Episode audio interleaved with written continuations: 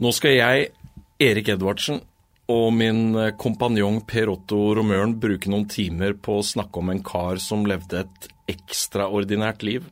Du, kjære lytter, skal få lov til å være med fra start til slutt. Og vi kan love deg at det blir en reise gjennom store oppturer og like dype daler. Gjennom triumfer sammen med de store polfarernavnene til en brutal kamp mot uh, alkoholen. Fredrik Hjalmar Johansen, født 15. mai 1867, var også både norgesmester og verdensmester i turn. Navnet hans det finner du som gatenavn flere steder rundt om i landet vårt den dag i dag. Men uh, hvem var han egentlig? Og hvorfor endte et uh, myteomspunnet liv med at han tok livet sitt 3.1.1913? Heng med oss, så skal vi fortelle deg historien. Jeg likte introen din, Erik. Den forteller det meste og, og, veldig mye om det vi skal snakke om eh, i disse episodene, og det vi skal begynne å snakke om i dag, nemlig eh, Johansens dramatiske liv. Det du nevner om oppturer og nedturer.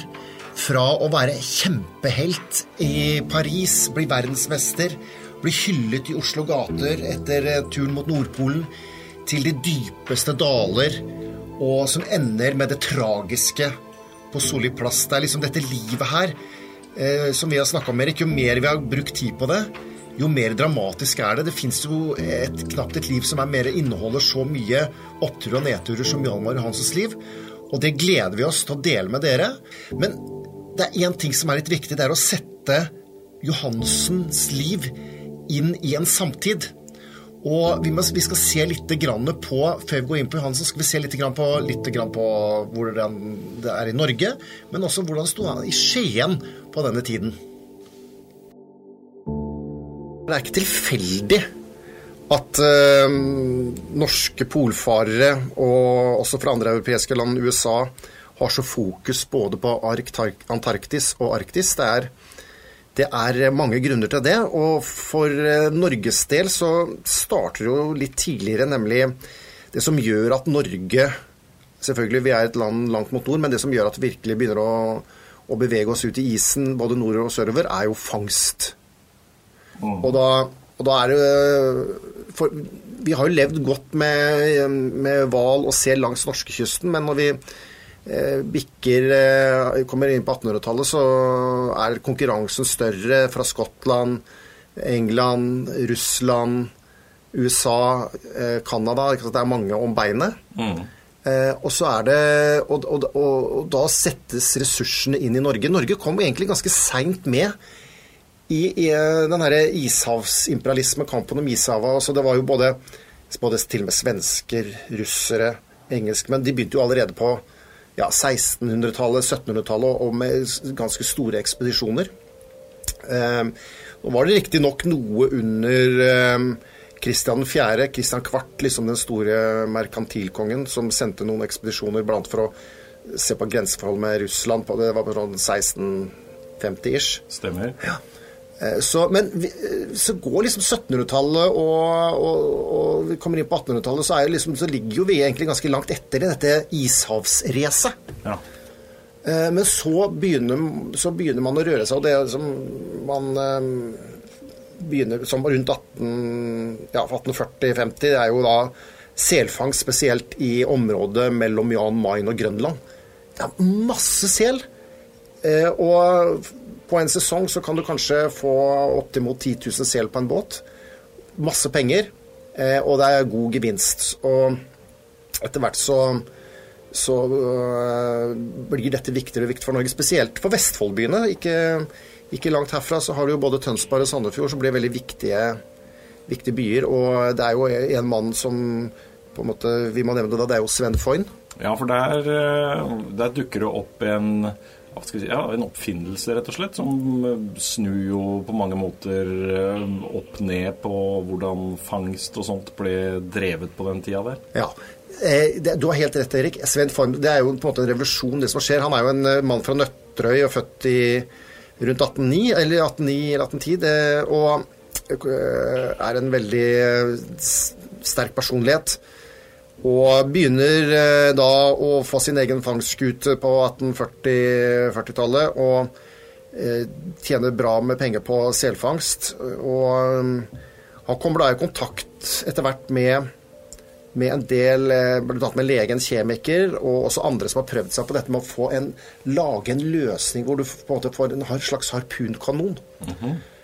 For det å fange hval, det var eh, egentlig veldig komplisert. Eh, fangstmetoden hadde nesten ikke forandra seg på siden vikingtida. For du, du, omtrent rodde mot hvalen, ikke sant? Ja. Og jeg sto i båten og kjørte da de her eh, hakkene og spyda og slags harpuner inn i, i spekket. Og hvalen bare blødde i hjel, rett og slett. Ja, skal vi ikke glemme at det er, det er jo svære dyr eh, de har med å gjøre her. Så ut i en sånn liten ja. robåt og med håndholdte våpen og sånt, det er heftige saker. Altså. Ja, og det krevde For det første så krevde det jo mot.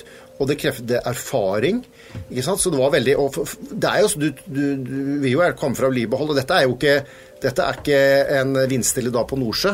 Her er det is og vind og sånn, og så, så, det var veldig farlig. Men så var det veldig Ja, på en sesong i eh, vestisen fra Grønland så kunne du kanskje få være heldig å få én hval eller to hvaler. Mm. Eh, men eh, når da Svend Fond kommer og, med denne harpunen som du setter da på, på hvalbåter foran i baugen, ikke sant, eh, og, og skyter, og så med en line. Altså når uh, harpunen treffer hvalen, så sprenger det. ikke sant? Så, ja. så, så, så, du kan dra hvalen inn, du kan legge den langs båten og begynne å flå og sånt. Så det blir jo en helt annen uh, det, Og det preger jo Hvalfangst blir jo kanskje Norges største næring, i hvert fall en av de, i de neste, fram til 1950. Ja, så vi snakket det er jo rett og slett uh ja, eh, industrialisering på ordentlig, ordentlig for eh, hvalfangsten, som kommer med, med foin da, på mange måter. Ja, og, eh, og, da var det jo også egne En ting var jo egne, etter hvert egne båter hvor du skøyt, men også var egne kokerier, hvor det var båter bare lempa varmt på, og så kokte og flådde, og så det var liksom som fulgte ja. båter. Så det blir jo en industri, dette her. Og det, dette er da med, dette er noe av bakteppet, denne fangstkulturen som, som, Norge har, for at vi på en måte denne preger også den her ishavsimperialismen som Norge etter hvert eh, er, er, med på. Og så er det selvfølgelig eh, en annen ting som når vi er, når vi er da på 18, eh, slutten av 1800-tallet så er vi jo inne på Dere som har lest kunst- og litteraturhistorie på videregående eller på universitetet, så er jo nasjonalromantikken. Ja. Og vi er jo i en fase hvor det er eh, statsbygging, altså det å bygge den norske staten. Eh, det, blir, det er veldig viktig. og eh, det blir veldig viktig for det norske Stortinget å vise muskler, bl.a. som vi skal komme tilbake på i senere episoder, når denne Nordpolekspedisjonen til Nansen som eh, Stortinget bevilger 450 000. En enorm sum den gangen. Ja. Og de ville ikke at danskene skulle sponse det, ikke svenskene. Det skulle være norsk. Dette var med på å bygge selvfølelsen, bygge identitet på linje med annen kunst og kultur. Det var den tids eh, Du kan nesten sammenligne med litt idrettshelter. ikke sant? Altså, det var ting vi var stolt av. Norge viste muskler i utlandet. Og så er det jo også nasjonsbygging, fangst, men så er det også det her med landområder, ikke sant. Det, det eh, å, å, kunne tilegne seg nytt land. Ja. Eh, Norge har jo eh, flere øyer i Sørishavet og også opp mot Nordpolen og Jan Mayen og ned mot eh, Peter den førstes øy i Sør Ronny Mauds land. ikke sant? Det er ting som vi sitter på den dag i dag. Ja. Så det var viktig. Og så er det jo også eh, dette med Eh, ja, jeg nevnte dette med identiteten, men også den akademiske prestisjen. Det med eh, meteorologi eh, Så det var veldig viktig å ha en sånn eh, Og forskning.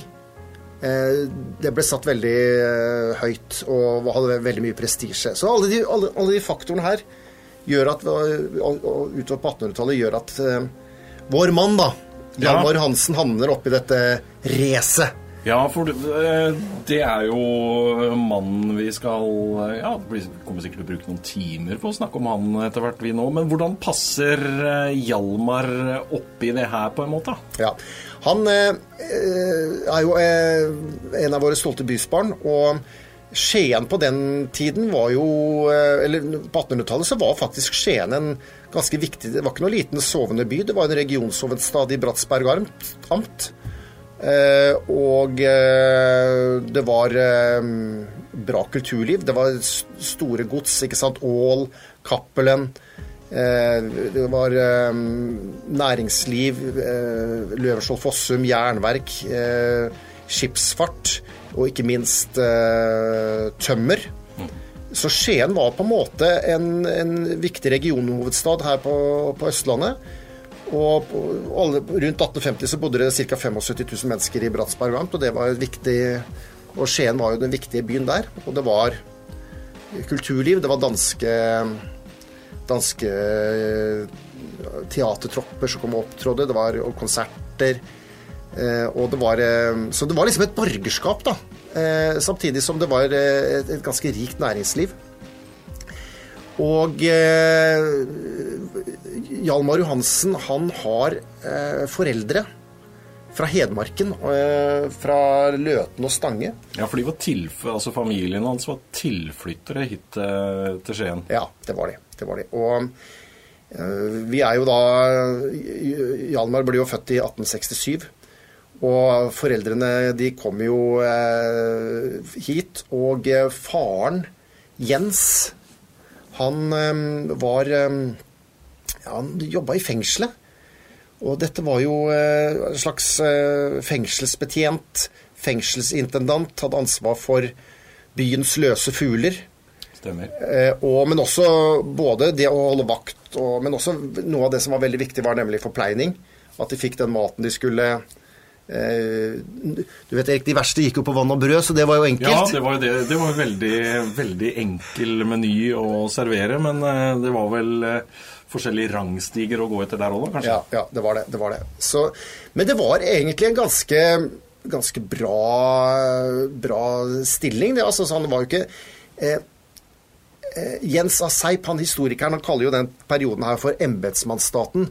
Og øh, han var jo ikke embetsmann. Embetsmann er da noe du får av kongen, et embete. Og det var jo den eliten i Norge. Det var kanskje 2000-3000 mennesker. Det var de som fikk Altså, det var dommere, det var øh, øh, jurister, ikke sant. Alt mulig sånn leger. Altså alt som, som fikk et embete av, av, kongen. Det var embetsmann. Så han var jo ikke embetsmann. Men han, han, gjorde det bra, og de fikk jo Hjalmar hadde tre søstre og en bror. Og de vokste opp her i, i, sentrum. De hadde til og med en leilighet i rådhuset. Eh, men faren hadde også et lite, lite gårdsbruk oppe på Venstøp.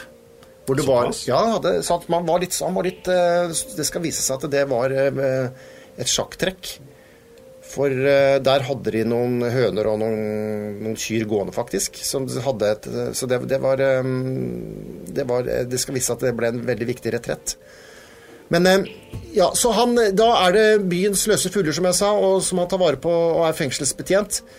Uh, og det er jo noe av det vi vet ikke så veldig mye om liksom sånn Hjalmar akkurat som Han var jo ganske grei på skolen de tidlige åra, men noe av det han kommer det tydelig fram som liker veldig Det er den herre eh, I hvert februar hvert år på den tida her på 1800-tallet så var den store eh, greia i Skien, det var jo det, Marten, altså en marknad, Aha. som var i februar. Uh mhm. -huh. Som tiltrakk seg enormt med mennesker. Eh, eh, fra, ja, helt fra Opplandet, altså fra Hedmark og fra Sørlandet. Så det var gjøglere, det var boder, det var eh, voldsom festivitas. Og det var jo også da en eh, noen som drakk litt vel mye alkohol. Så det står skrevet at han, faren til Hjalmar Hansen, han mest hektiske eh, helgen i året var når denne marknaden var i, i februar. Ja. Um, så det er jo en spennende tid eh, han vokser opp i, og han det som er litt spennende i ung alder, som, han, som jeg syns vi skal dvele litt med, det er at han, eh, han tar artium. Han gjør det, og ja. det, det, betydde en del på betydde, den tida der. Det betydde mange, for det, det, var faktisk Hvis du ser på landsbasis, så når vi er på 1880-tallet, så er det ikke mer enn 200-300 i Norge. Nei. Det setter ting litt i perspektiv. Ja, det er hele Norge som klarer å ta artium, så, det, ja, det, er, så det, var veldig, det var faktisk imponerende. For faren var ikke embetsmann, og det, det, han hadde ikke de ressursene, ikke sant. Var mer klasseskille den gangen.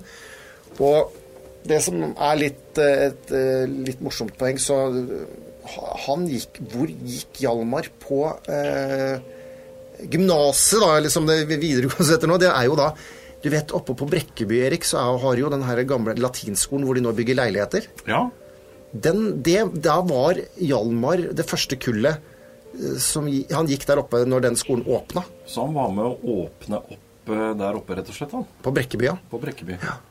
Og nå, eh, nå, i skrivende stund, nå i 2023, så er jo holder de på å lage leiligheter der. Så bygget er jo, er jo fredet. Ja. Men det, er litt, eh, det syns jeg er litt morsomt å tenke på. Han var da åpne, var med å åpne dørene der også, og var første kullet som, som gikk ut derfra. Mm. Men hvis vi skal Altså, som du sier, eh, faren var jo ikke noen embetsmann eller noe sånt, men hvis vi skal prøve å ja, plassere eh, familien litt sånn på den sosiale rangstigen, da, hvor vil du si at vi er? Er vi i øvre middelklasse her, eller hva, hva tenker du? Ja, det, altså Han var jo eh, som sagt ikke embetsmann, og heller ikke noe eh, høyt oppe i dette med, med næringsliv og tjente mye penger sånn, men for å være en, en, en, statsansatt, ansatt i det offentlige, så vil jeg si at det var en eh, at, at, at det var middelklasse, øvre middelklasse. Det var, det det var egentlig et ganske De, de mangla liksom ikke noe.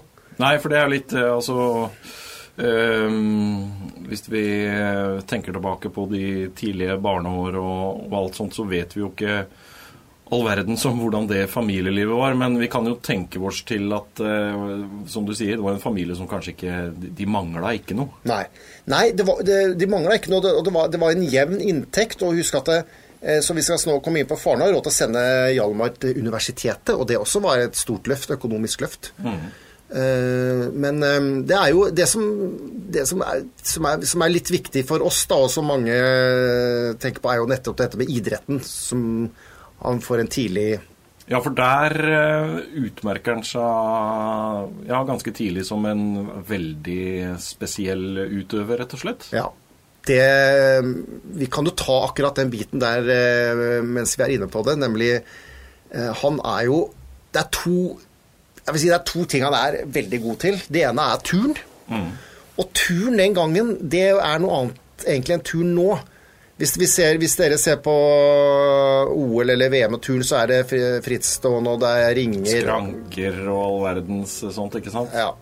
Den gangen så Det individuelle var litt viktig, men det viktigste var formasjonstrening. Ah. Altså man tenkte dere altså sånne store gressletter eller gymsaler, ikke sant hvor man skal gjøre slags synkrone øvelser. Eh, og, og, og, være sta, eh, samstemte, da. Ja. Eh, annet når Hjalmar hadde eh, det, eh, turn. Det var en liten turnhall oppe på Brekkeby. skjønner du, Det var liksom der han begynte å turne først. Og der det begynte, ja. ja. Mm. Eh, og da var det da, Jeg tror det het turn og militære øvelser. Så det var veldig, det var veldig, veldig disiplinert. Veldig sterk disiplin i, i den her kroppsøvningen og turen ikke sant, som er på, denne, på 1800-tallet. Mm. Og der, han, var, eh, han var en eh, litt sånn tettbygget kar. 1,75 på strømpelesten. Og, og, veldig sånn spretten. Og, og, han la ned mye trening i ungdomsårene på, på, på turn. Men også det andre, da. Det er jo ski. Ja. Han var en fremragende skiløper. Eh, og eh, lange turer og, og, hopp, og brukte veldig mye tid på ski. Så, men hva slags, eh, ja, slags alders eh, Hvordan skal vi plassere Hjalmar i alder når han på en måte begynner å få teften og begynner å vise seg fram på de arenaene her? Ja, ja det, kan godt, det, kan vi godt, ta, for uh, han vis, Altså, han er jo uh, allerede i uh,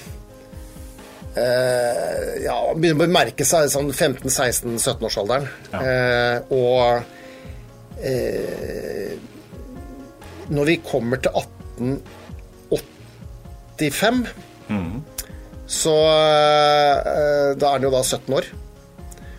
Og da er det han Da kan jeg fortelle, det er han og fire gutter som våren Det er i mars 1885 på en skitur. De spenner på seg, Han og tre andre kamerater de spenner på seg en eh, skia oppe på Brekke. Og så renner de ned mot Bøssersjø og går de her Åmotsbakkene som dette opp mot eh, eh, Den gang het jo eh, Det het ikke Siljan, men Slemdal. Slemdal ja, kommune. Stemmer, stemmer. Så opp der, og så og, og, opp og hoppe og i lang tur. Og på, på vei tilbake så eh, stopper de ved det heivannet, og så spiser nista si. Og det er da ideen om en eh, seriøs idrettsklubb kommer. På denne skituren i Jeg tror det, er, det må være rundt eh, midt i mars. Rundt her? Ja, for eh, bare Og dette, det- dette er noe de virkelig går inn for. For eh, allerede to uker etterpå, eh, 29. mars, så er det stiftelsesmøte i, uh, i Odd. Da begynner en ny historie. Ja, og, og det, det, det det er jo eh, spennende store. Vi kunne jo sikkert hatt det på egen podkast bare om, om Odd, men er han, han er jo med på det, og han blir jo Han blir jo i, allerede i eh, 89, altså fire år etterpå, så blir han formann. Og i 1893 så blir han første æresmedlemmen. Så Odd eh, den gangen Hjalmar var med på å skape en veldig ganske tøff kultur. Det krevdes mye å være med i Odd. Blant annet satte man et tak på medlemmer. Det skulle bare være 20 medlemmer. Såpass. Ja, og det skulle være de 20 beste. Og det var beinhard disiplin i forhold til for seintkomming. Altså eh, hvis du ikke møtte opp eller kom for seint, eller det var liksom ikke noen unnskyldninger. Det var kanskje begravelse i en familie, det var kanskje det eneste. Så det var veldig sånn tøft. Og da kunne du risikere å miste plassen. Litt sånn eh, tidlig utgave av den botkassa som alle Ja. klubber og fotballspillere og sånt nå driver med nå. Ja, ja, ja. ja. Men bare den gangen så var det nok enda mye tøffere disiplin. Liksom du, eh, du kunne risikere å bli kasta ut. Men eh, vi kan komme litt tilbake til Odd etterpå. Men jeg hadde bare lyst til å si at du spurte om eh, når, altså, hans personlige egenskaper, da. Ja. Som jeg syns er, er litt spennende. Altså det, når han bemerker seg. Eh, allerede eh, Odd Det er jo turen som er den store idretten i Odd de første årene. For det, det er liksom det folk vil ha, og det er det som eh, trekker oppmerksomhet, både i media og på rundreiser og, så, og sånn, så er det turn. Eh, Og allerede i 1886 så er det et slags norgesmesterskap i Fredrikshall, altså i Østfold. Og dra, da drar denne eh, Oddrane, som de også kalte seg den gangen, ja. eh, og blir norgesmestere. Og det får veldig mye oppmerksomhet, eh, spesielt rundt, eh, som det da het, Kristianiafjorden, ikke sant? Eh, og og de, de stolte oddere kommer hjem til Skien og blir hedra, og han får jo, blir jo får jo veldig mye oppmerksomhet. eh, For dette er stort, liksom. ja, det er stort. Det er veldig stort. Det er- Vi kan liksom ikke helt forestille oss og, Men større skal det bli. For jeg, jeg tror jeg tar dette i sammenhengen. For eh, Erik, vi skal jo til en verdensutstilling.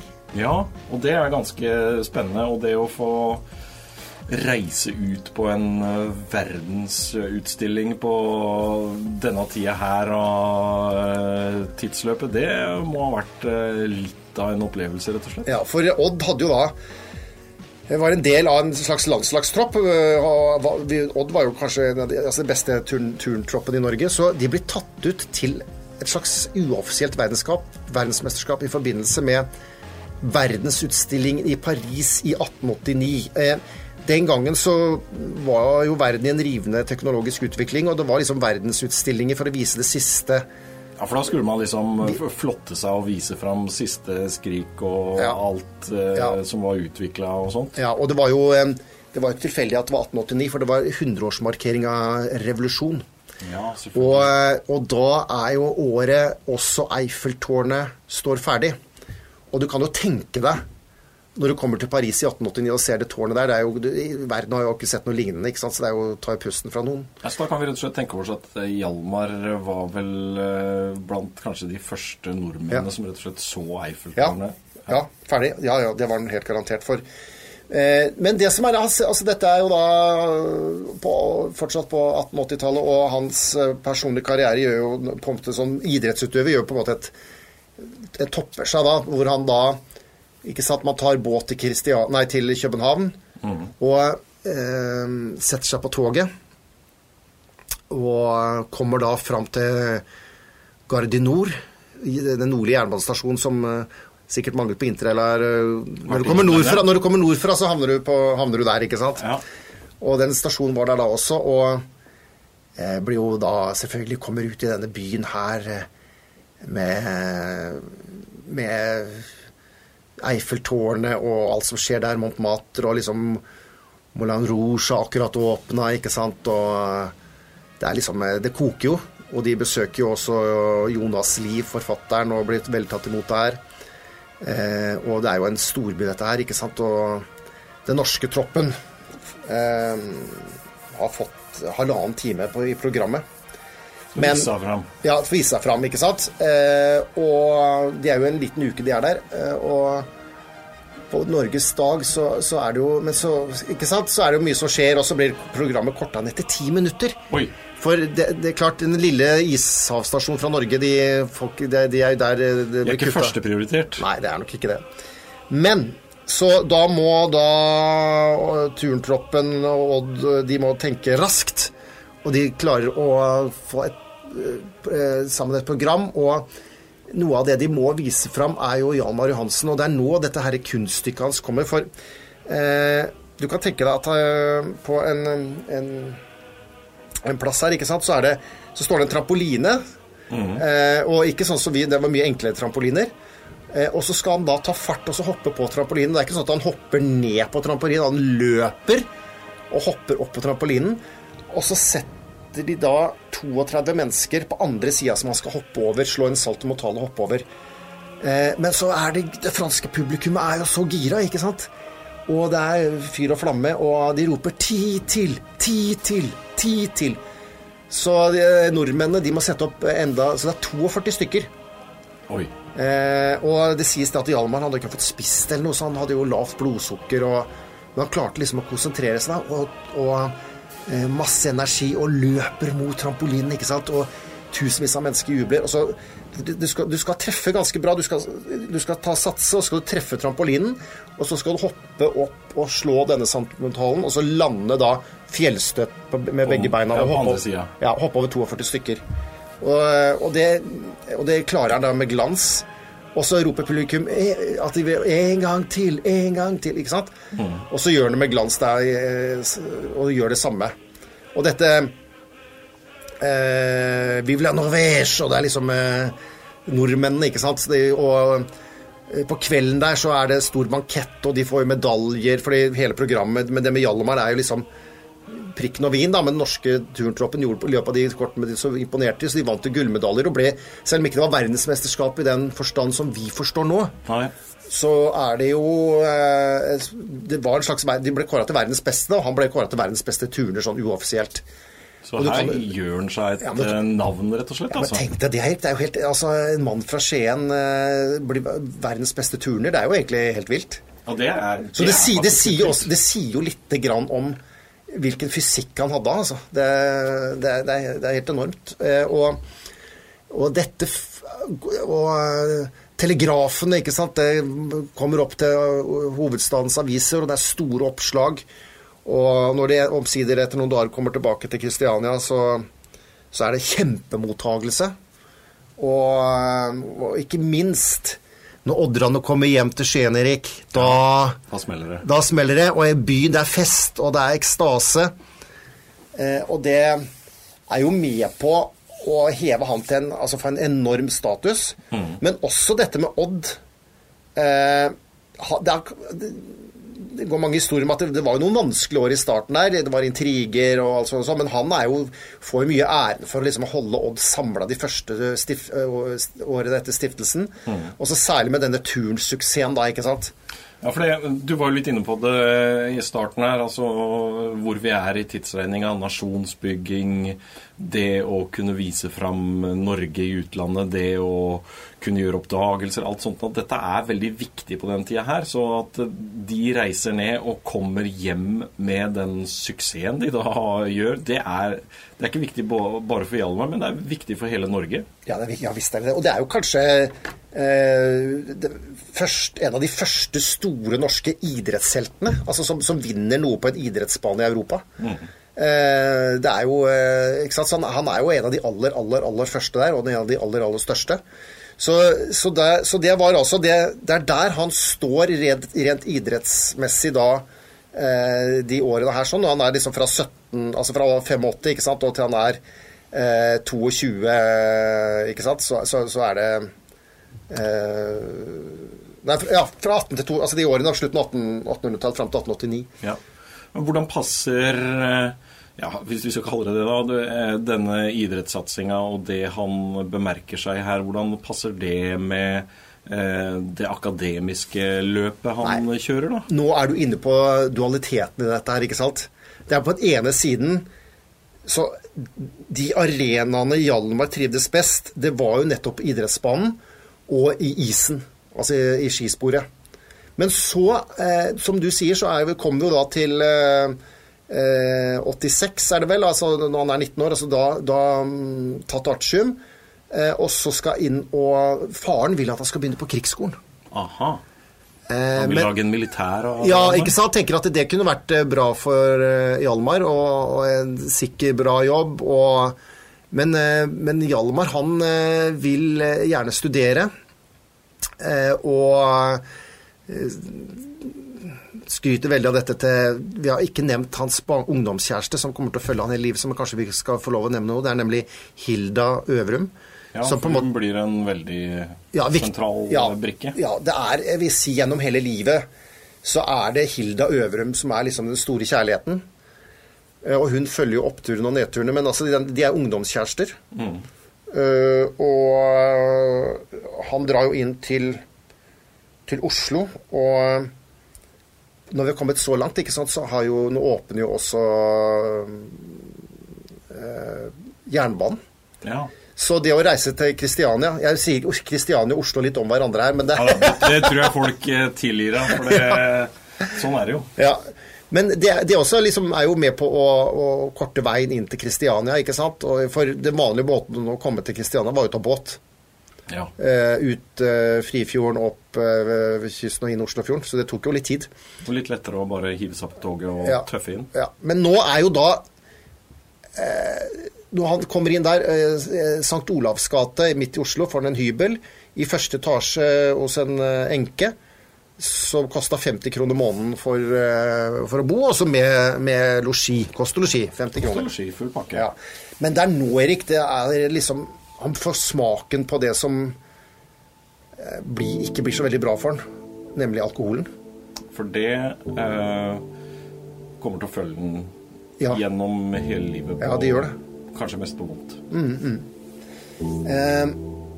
Blir han en festløve nei, ja, Oslo, nei han, har, han, han, har, problemer med å konsentrere seg litt på lesesalen.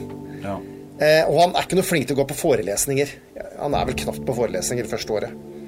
Eh, og, og, det blir eh, liksom litt sånn drømmer, og så er, så er, det, så han, så er det svirebrødre, ikke sant, De, på bodegaen i Oslo. Og, eh, å komme til Oslo på 1880-tallet, det var jo som å komme inn i en kruttønne, for her foregår det mye rart. Ja. Vi kan jo stoppe litt grann og prøve bare for å beskrive Vi kan gi et lite sånn tidsbilde av ja. hvordan Oslo på en måte framsto den gangen? Ja, du kommer inn der, ikke sant. Og selv om Skien var en stor by norsk målestokk, så kommer du inn til hovedstaden. Og der er jo en kruttønne både når det gjelder det politiske, med Stortinget.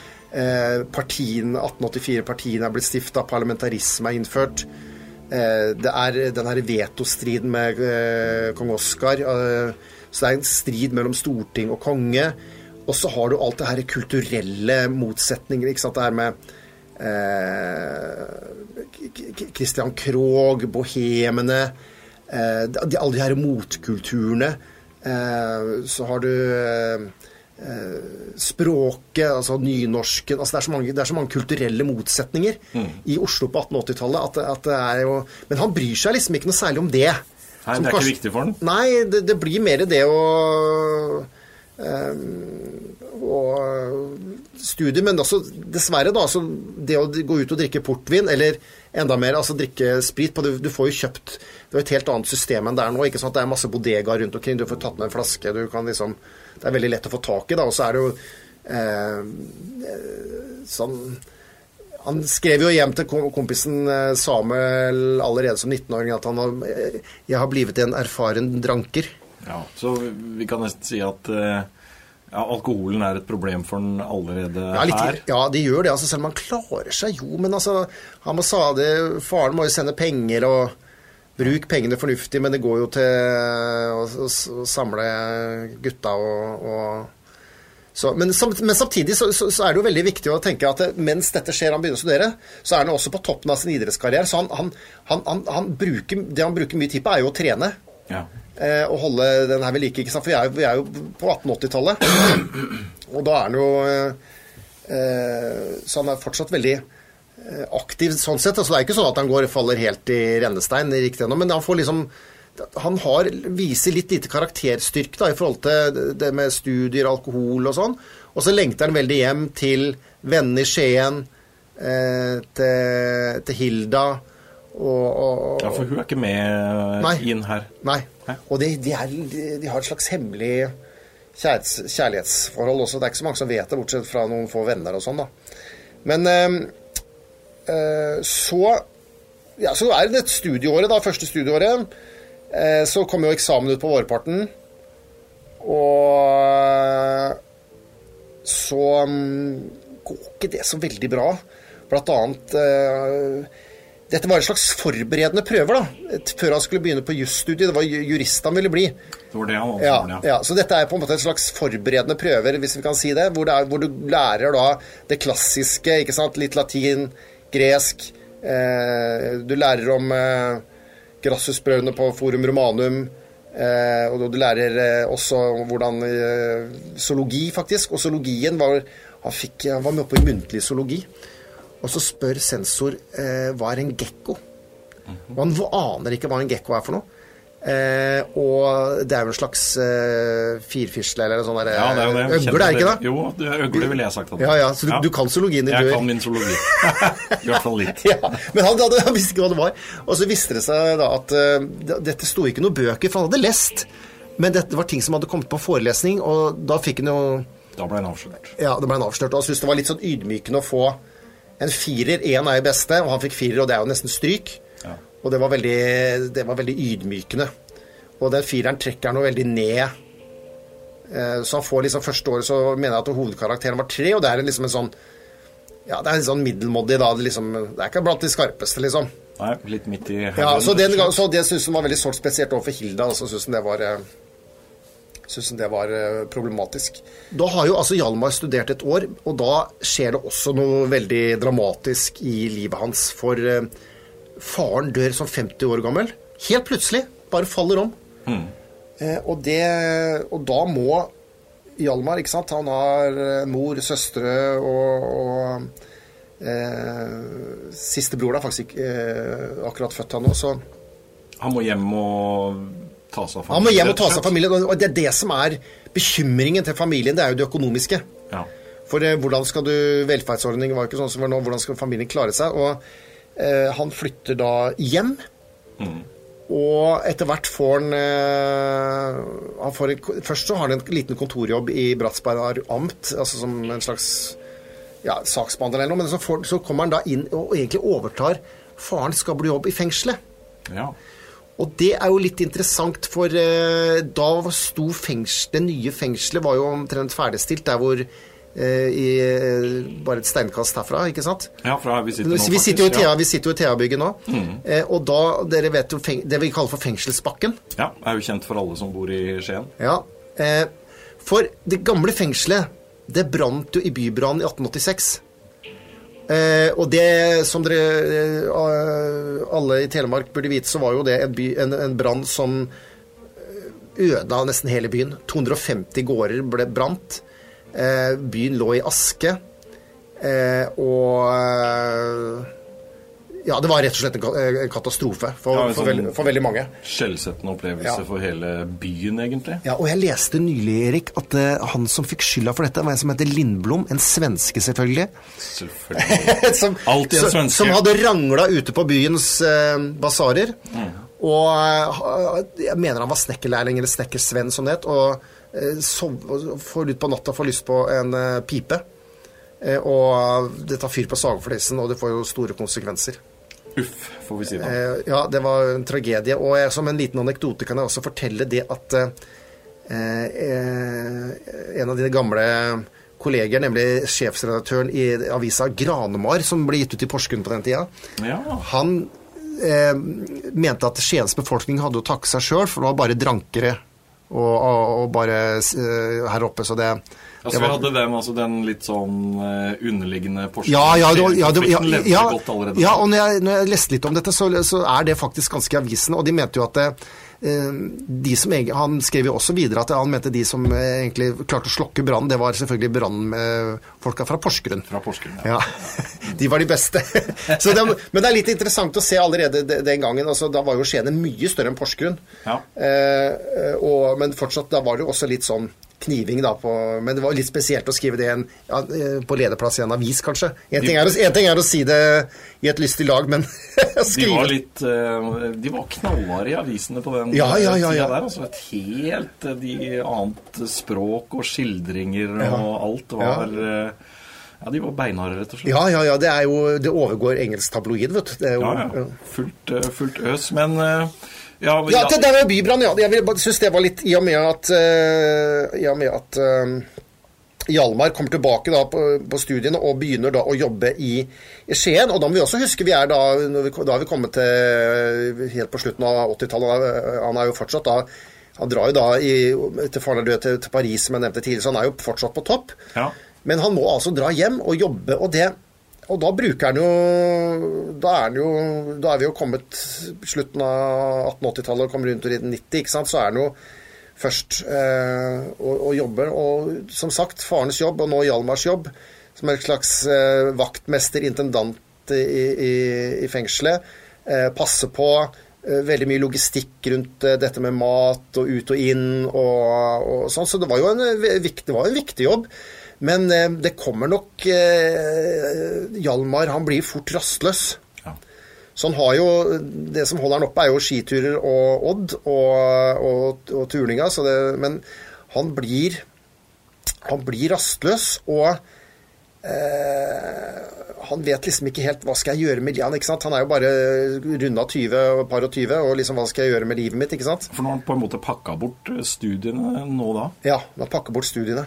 Eh, og eh, han er jo hjemme et par år, men det blir liksom eh, for kjedelig for han. Og han er jo også holder den der Nå kommer jeg tilbake til den gården oppe på Ja, for den For, for, for leiligheten det, som var knytta til det rådhuset, sånn, det brant jo ned. ikke sant? Så da bodde også familien oppe på Venstrepo hadde den her lille, lille gården. Mhm. Så det ble på en måte redningen. Så det var faren hadde investert i dette øh, som en slags pensjon. da. Ja, det fikk de betalt for nå, rett og slett. Ja, det gjorde de. Eh, Så det holdt jo livet i, men han, eh, han kjeda seg og ble litt veldig rastløs. Og, men så er vel, kom vel til 91, og da eh, bestemmer han seg for å begynne på krigsskolen. Som hans far egentlig ønska Ja. at han skulle tidligere. Ja, og da ser han for seg en sånn karriere. Men Erik, eh, det som er viktig nå når vi kommer inn på 1890-tallet, det er at på Lysaker i Oslo så sitter det en mann som gikk over Grønland i 1884 og har blitt en folkehelt, og han planlegger en tur til Nordpolen. Skal vi snakke om den i neste episode? Det blir neste gang, for det er jo et Vi skal snakke om møtet mellom Hjalmar Johannessen og Fridtjof Nansen. Vi skal snakke om eh, måten eh, Fram ble bygget på, dette geniale skipet. Vi skal følge Johansen og Nansen mot Nordpolen, Erik. Og det er en så dramatisk tur, og som skaper et heltebilde av eh, våre to menn, som eh, La meg sitere Børge Ausland. Gjør det? Det fins kun to helter, og det er Johansen og Nansen. Og Det setter det hele perspektiv, og det er nettopp denne reisen her, den legendariske reisen mot Nordpolen, overvintringen, det er det vi skal snakke om neste gang. Gleder meg.